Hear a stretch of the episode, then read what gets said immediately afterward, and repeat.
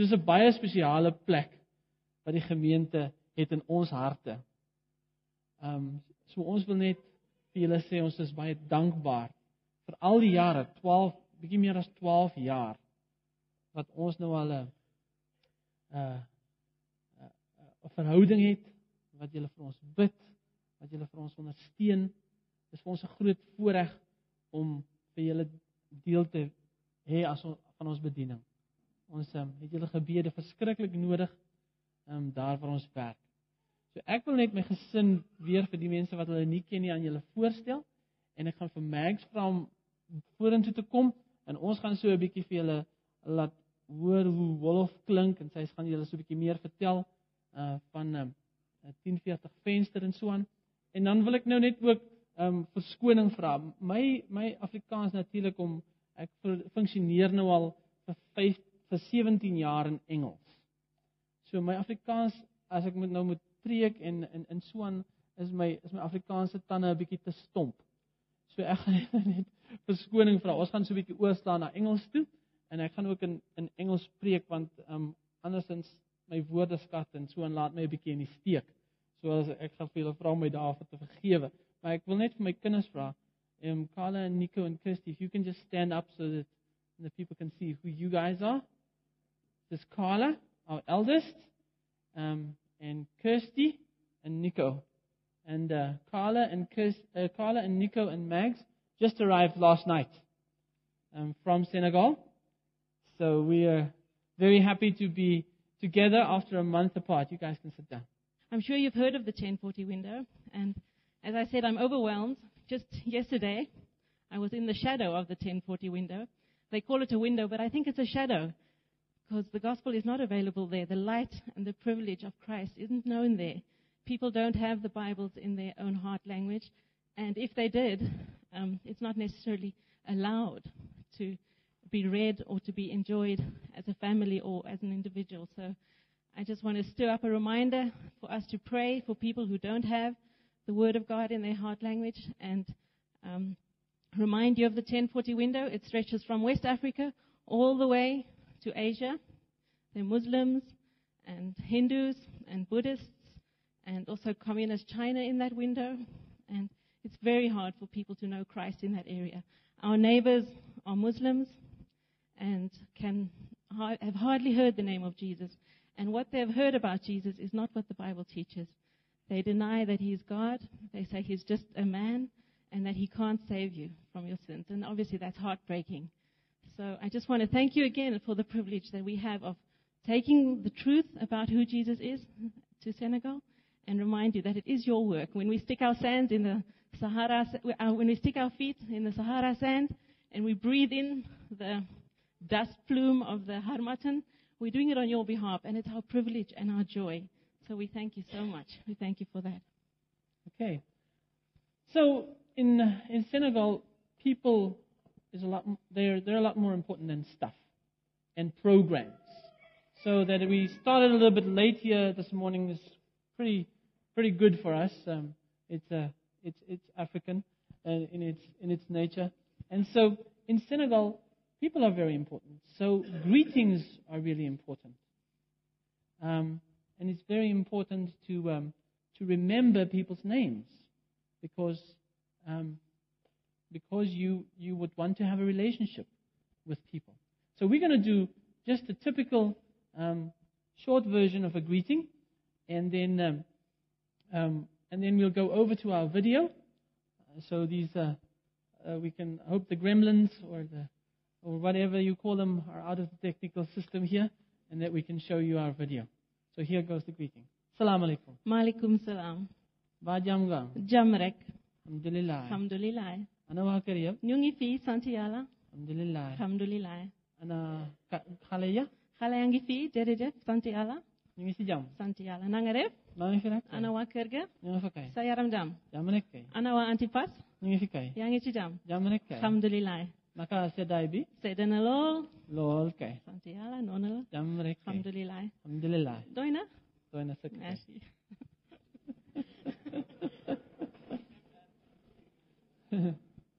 That's a short version of a village greeting. Village as it goes on.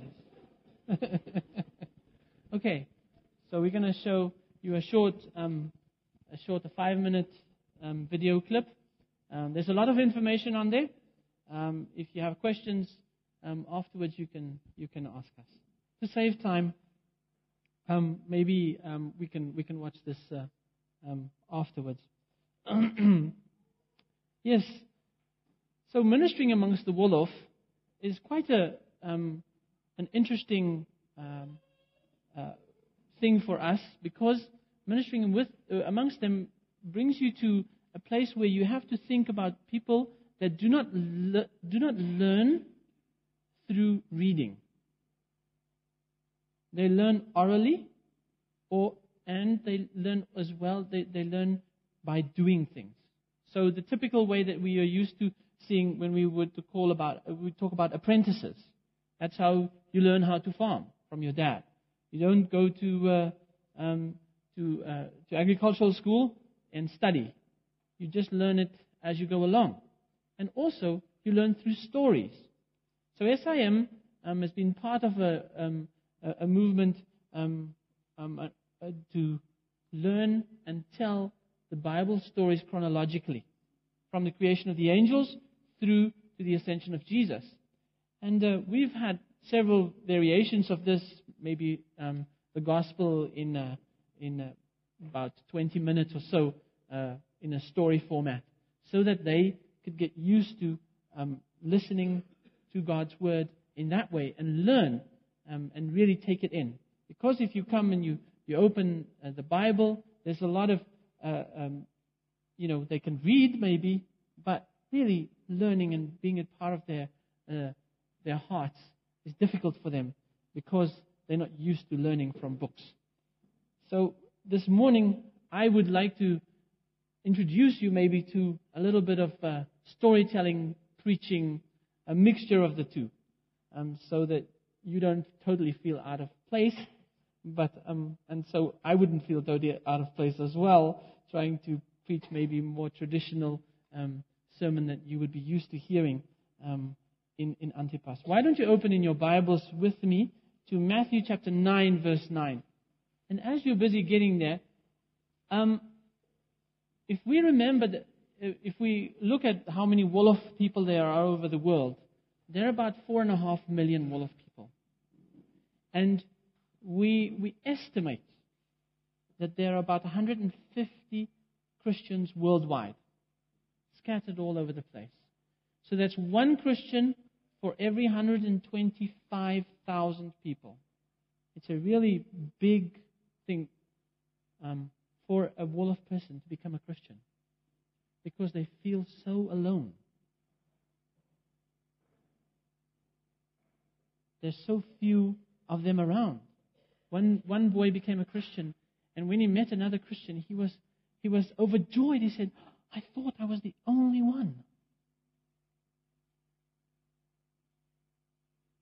So when you pray for them, continue to think about that, what it could be like to just be you. Not even your husband or wife in the next, say, 50 kilometer radius. Okay. And in Jesus' day, you know, his followers were many and then they turned, there were very few of them. But the cost of following him was also very high. And today, as we read the, the word together here, um, in Matthew chapter 9, verse 9, as it starts here in the, in the ESV, as Jesus passed from there, he saw a man called Matthew sitting at the tax, collect, tax collector's booth. And he said to him, Follow me. And he rose and followed him. And as Jesus reclined at the table in the house, Behold, many tax collectors and sinners came and were reclining with Jesus and his disciples. And when the Pharisees saw this, they said to his disciples, Why does your teacher eat with tax collectors and sinners? But when he heard it, he said, Those who are well have no need of a physician, but those who are sick. Go and learn what this means. I desire mercy, not sacrifice for I came not to call the righteous, but sinners. when we look at this story, there are many things we, we can draw from it. But it's good to start with the person that it's about Matthew. Who is Matthew? Matthew was a disciple of Jesus. Matthew is the author of this book. In Mark, however, we learned that he had another name. Do any of you know what that name? Levi. Levi. Yes. His other name was Levi. Um, some commentators believe that um, the name Matthew was actually given to him by Jesus, like um, uh, like um, Simon was called Peter. Um, so some say he might have um, been given that name. And do any of you know what the name Matthew means?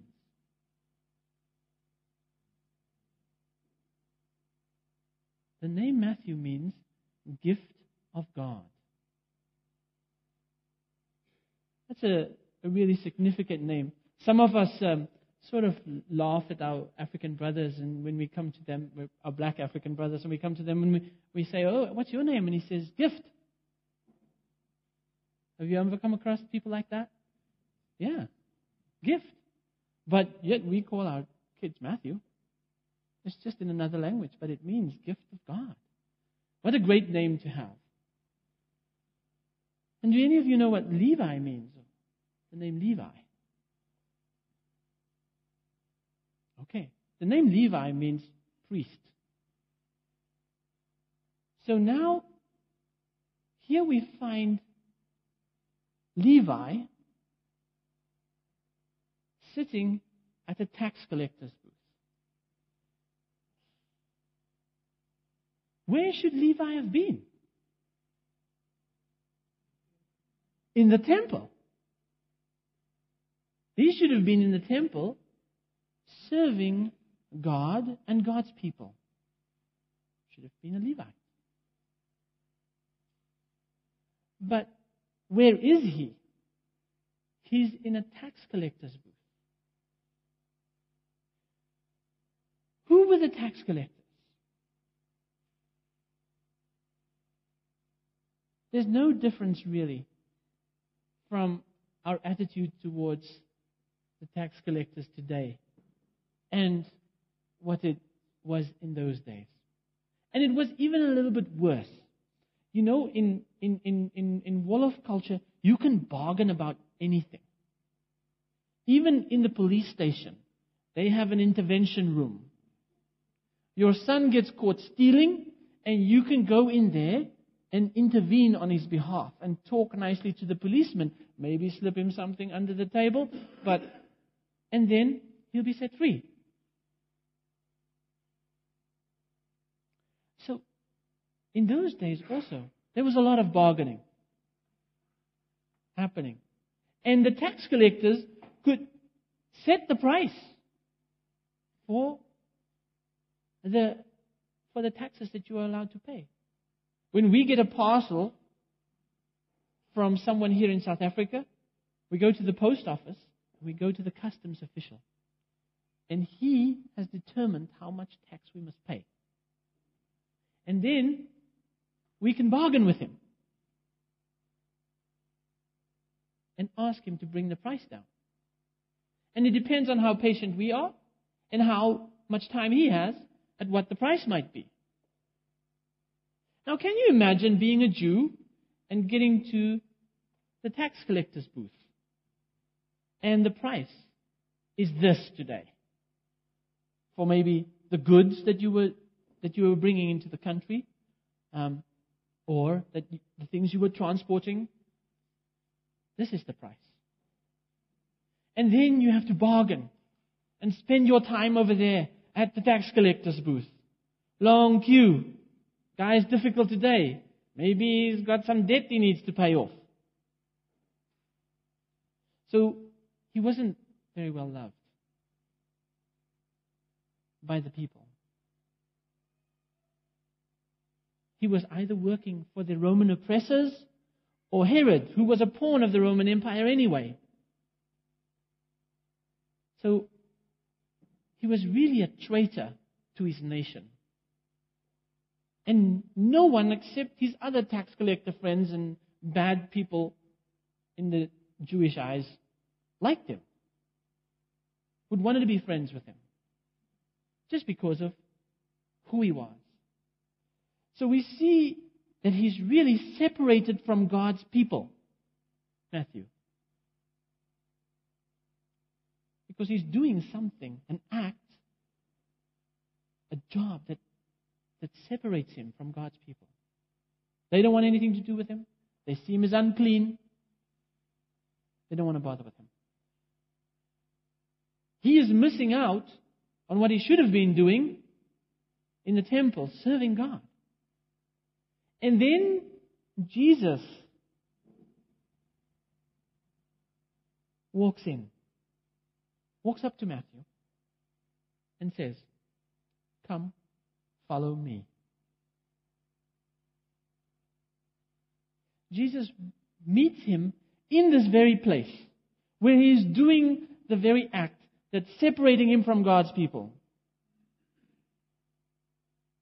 And he says to him, Come, follow me. This might not have been their first encounter. He might have seen some of the miracles. He might have heard some of the teaching that Jesus is, has done.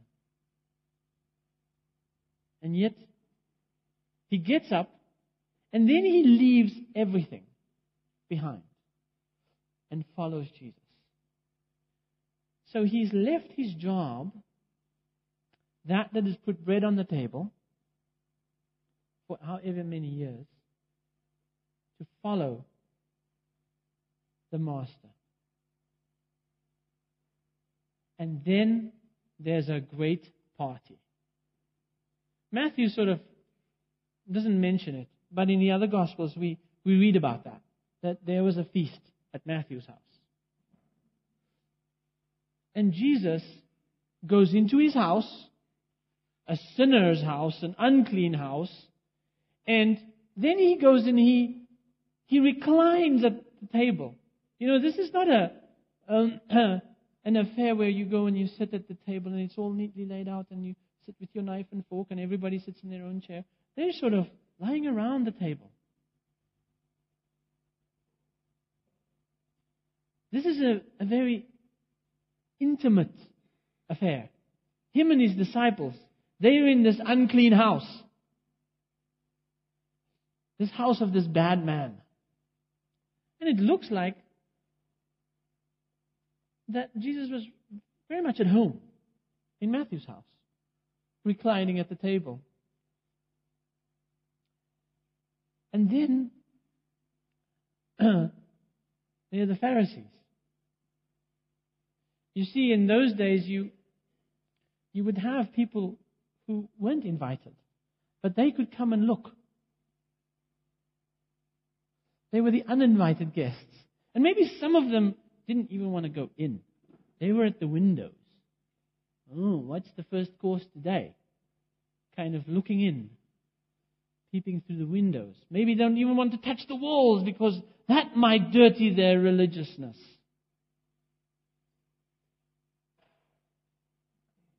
And, uh, you know, this is an amazing event for Matthew. Of this religious oppression that these Pharisees are exerting just by their presence and their being standing on the street corners and saying, praying out to God, and they put ashes on their faces so that everybody would know they are fasting. So this is what it meant to serve God to many Jewish people. That religiousness, that oppression of you got to do, do, do, do. But Jesus is at home in Matthew's house. This amazing event.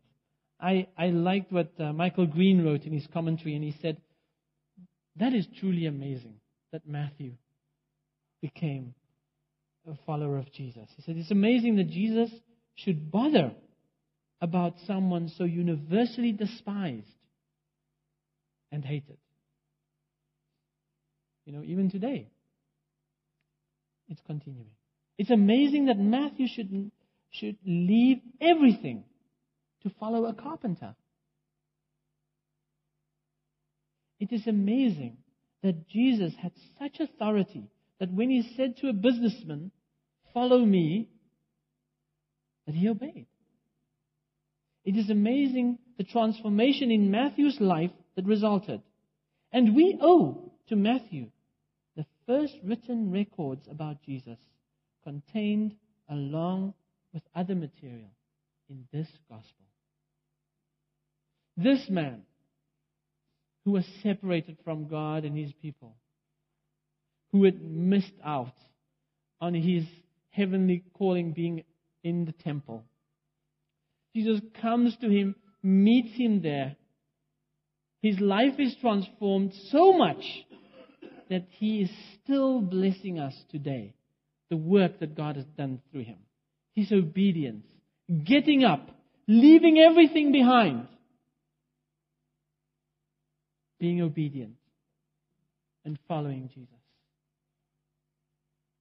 God met him in an amazing event. And then there's this party. And now we have the bad people, the sinners, the ones you don't want to mingle with. They're around the table with Jesus. And on the other side, you have the good people, the righteous ones, the healthy ones, standing at the windows. Maybe some have ventured inside. And they are not happy. They are not rejoicing in this amazing event. They're not cut, cutting Matthew any slack. They say, they say, why? Huh? They say to Jesus, Jesus' disciples, why does your teacher eat with tax collectors and sinners? Why is he bothered with them? Is he supposed to be a holy man? Could have been some of their thoughts. They don't, they're not invited. They're not part of this wonderful event, this amazing event. Their religiousness is keeping them from that. Their idea of what it means to serve God and follow Him is what's keeping them from that.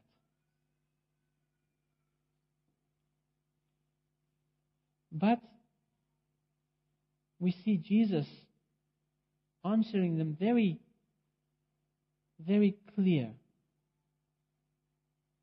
Maybe not so clear for us, but very clearly here. And he says, Those who are well have no need of a physician, but those who are sick.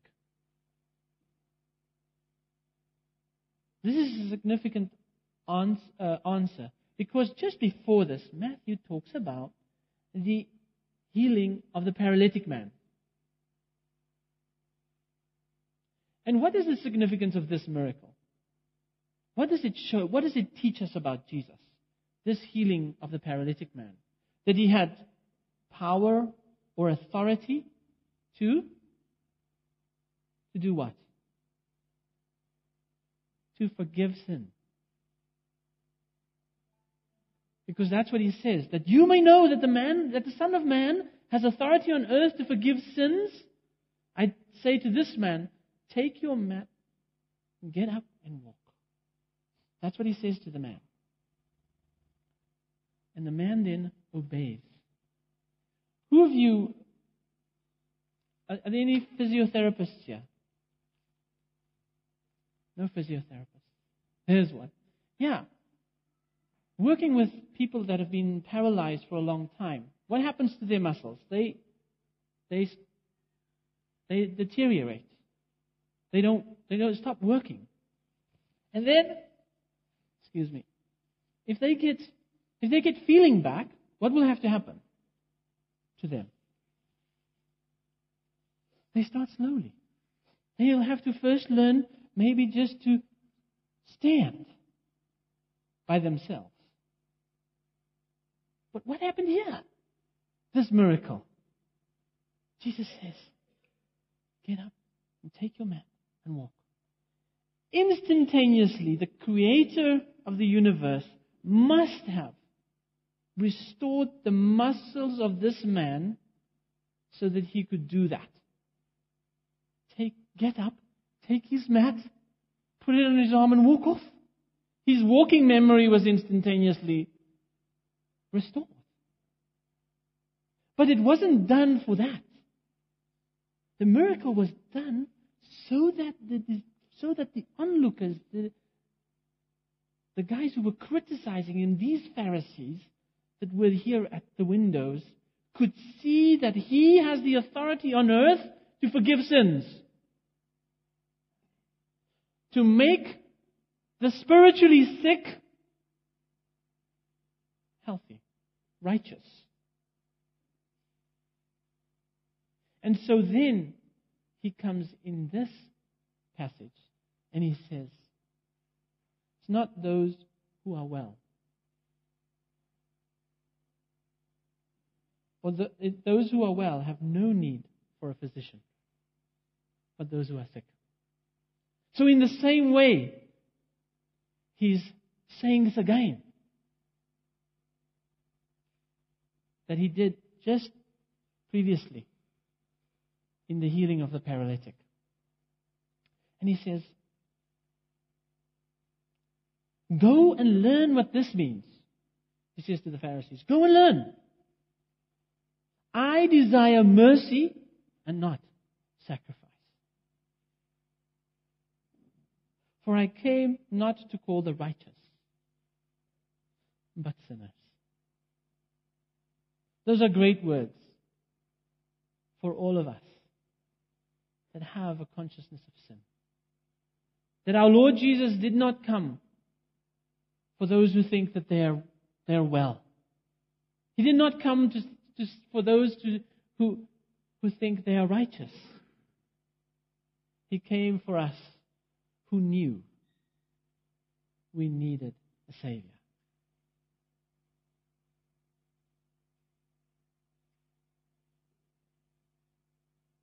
He came for us who knew that we were sick. He came for us who knew we are sinners. And He has showed He has authority to forgive sins. He comes, He meets Matthew right there in that place and draws him out and enjoys a meal with him and has a party and celebrates with all these bad people. He promises us later in the book of Matthew. It comes from um, this this um, where he where he talks here in this passage. I skipped something, sorry. Where it says, "I desire mercy, not sacrifice," comes from Hosea, chapter six, verse six. I desire mercy, not sacrifice. Now, Hosea is a very interesting book. You know, we, we know that God told Hosea to, to marry a prostitute. Now, if Hosea would have come to, uh, to me for premarital counseling, I would have said to him, Bad idea, man. Wouldn't you have? yeah, sometimes the things of God, they, they don't fit in our systems that we've got going. God did this to show his people mercy. This woman was an outcast. But a prophet married her and was patient and was patient and was patient and was merciful to her. She deserved to be an outcast, didn't she? So, God says through Hosea, I desire mercy, not sacrifice. Not religiousness. I don't want to say religion, but religiousness. That, that we think would please God. Those things we do so that some of us think if we do that, we can go to heaven. And many Christians, we have that in our back of our minds. We, we, we still think we can please God out of ourselves. Just remember Jesus. And then some of us have a great guilt feeling when we don't do something. But Jesus comes and he says in Matthew 11:28 he says come to me all who labor and are heavy laden and I will give you rest. Take my yoke upon you and learn from me for I am gentle and lowly in heart and you will find rest for your souls. Is your soul troubled this morning? There's rest for it in Jesus. Are you carrying a heavy yoke? A heavy burden this morning? At work? Wherever? Jesus' yoke is light. His burden is light. He promises us as well, He will not break a bruised reed, He will not break the Son of Man. A smoldering wick, He will not quench until He brings justice to glory. The Lord Jesus is gentle. The Lord Jesus is kind. He is humble. And He shows mercy.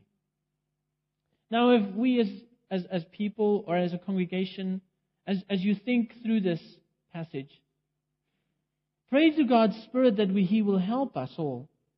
Um, for those of us who know Him, um, what does it mean to show God's mercy? And not put our hope in sacrifice. That that will please God. What does it mean for you as a person?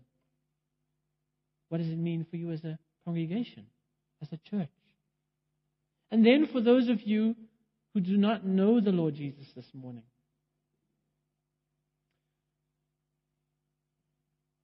what does it mean to have your burden, your yoke removed, and the yoke of Christ, the light yoke, put on you? What does it mean to have rest for your turbulent soul?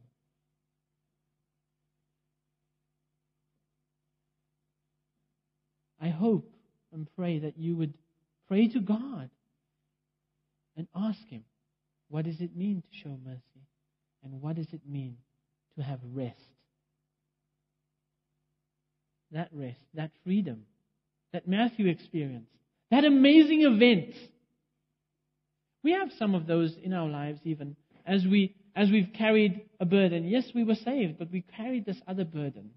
And then all of a sudden we, it dawns on us. I can pray about it. I can give it to God and I can forget because He will sort it out. And put our trust in the Lord. We, we learn it. Sometimes we take these things back as Christians and we worry about them again. And we fret, what's going to happen? What's going to happen to South Africa? Oh, the roads are so bad and the there was no job opportunities and, or whatever. We worry, we fret. But we have, will have rest for our souls in the Lord Jesus Christ. And if He leads us to go somewhere else, that's fine. But find your rest in Him, wherever you are, wherever you are going. Because He is the one who shows mercy. He is the one whose burden is light.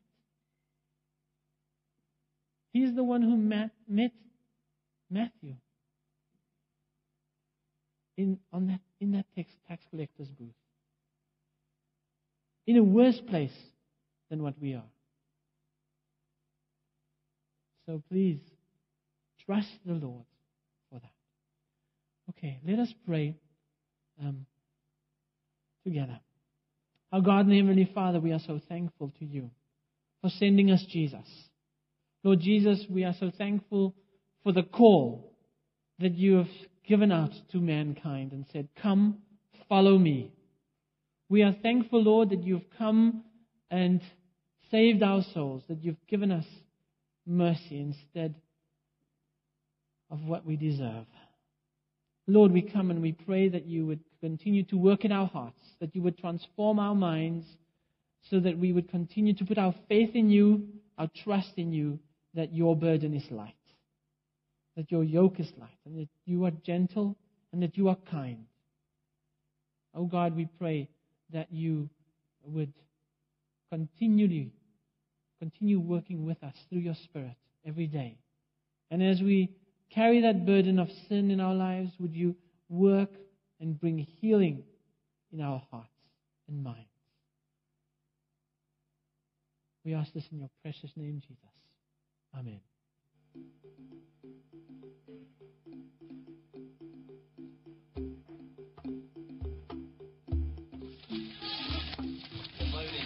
Over the past 12 years, we have been serving with SIM in Muslim Senegal, living out our desire to glorify God through the dream that He has put in our hearts of working towards the coming of His kingdom in this dry and needy land. The majority of the people in Senegal practice folk Islam, which is a blend of African traditional religion and Islam. We have seen God's steady, miraculous work in the lives of our Muslim friends, our teammates, and in our own lives. We have struggled in the face of the desperate human needs, the harsh semi desert climate, a foreign culture and language, the darkness of Islam, as well as an undying longing for family and friends. But even through these challenges and various spells of tropical diseases, discouragement, and exhaustion, which come along with living in remote Africa, far away from well established structures such as churches, hospitals, and schools, our thanks to God knows no bounds as He has graciously carried us through it all. The Lord has enabled our whole family to speak Wolof and enjoy many parts of the Wolof culture, especially the warm hospitality, long tea sessions, wonderful meals enjoyed around the common bowl, the endless teasing, the magnificent minds, the splendid hearts, and deeply religious soul of the whole community. Our home reflects a fascinating blend of cultures and languages as we have tried to live closely to the community, keeping an open door and heart to friends and neighbors. Many a meal, a chore, or homeschooling lesson has turned into an opportunity to witness to a precious soul about Christ. Carla, Kirsty, and Nico have flexed in and out of the unpredictable schedule of each day. Our children's prayers, tears, friendships, and hearts reflect a true passion to reach their friends for Christ. Hi, my name is Nico. I live in West Africa. I love to bird farm and play soccer with my friends. Hello, my name is Kirsty and I am 10 years old. I can speak English, Wolof, and French, and I love living here in Senegal. I'm Carla, and for the past three years I've been attending Borify Christian School, three hours away from home. The transition from homeschooling to boarding school was a hard but rewarding one. I enjoy making friends from all over the world whose parents also serve in West Africa. As a family, we've had the immense privilege of living out our faith in this context and sharing the good news about Jesus with many.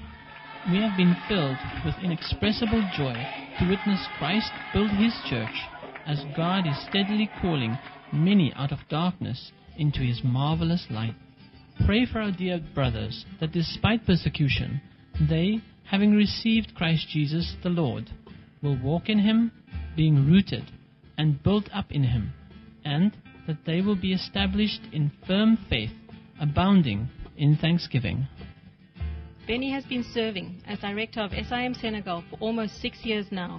This entails leading teams in the cities of Thiès and Dakar, while operating from the rural Kaffrine area in the interior. It has also involved numerous international trips. Human language and the very latest in technology could in no way accurately reflect and honor the solid, sincere, joyfully obedient, and sacrificial contribution each SIMT member is making toward the coming of his kingdom here in Senegal. As the SIM Senegal team serves our Lord through these diverse ministries, please pray that according to the riches of His glory, God may grant us to be strengthened with power through His Spirit in our inner beings, and that the God of our Lord Jesus Christ, the Father of glory, may give us a spirit of wisdom and of revelation in the knowledge of Him. Once again, we would like to thank you, our partners in the gospel, for your faithful and ever increasing support over the years. Your perseverance in prayer and generous financial contributions has blessed us with the privilege of sharing the good news among the resistant Muslim Wolof of Senegal. Continue praying for us as we work towards seeing Wolof friendly Bible studies, fellowships, and churches develop as the Lord leads. Now, to him who is able to do far more abundantly than all that we ask or imagine, according to the power at work within us, to him be glory in the church and in Christ Jesus throughout all generations, forever and ever.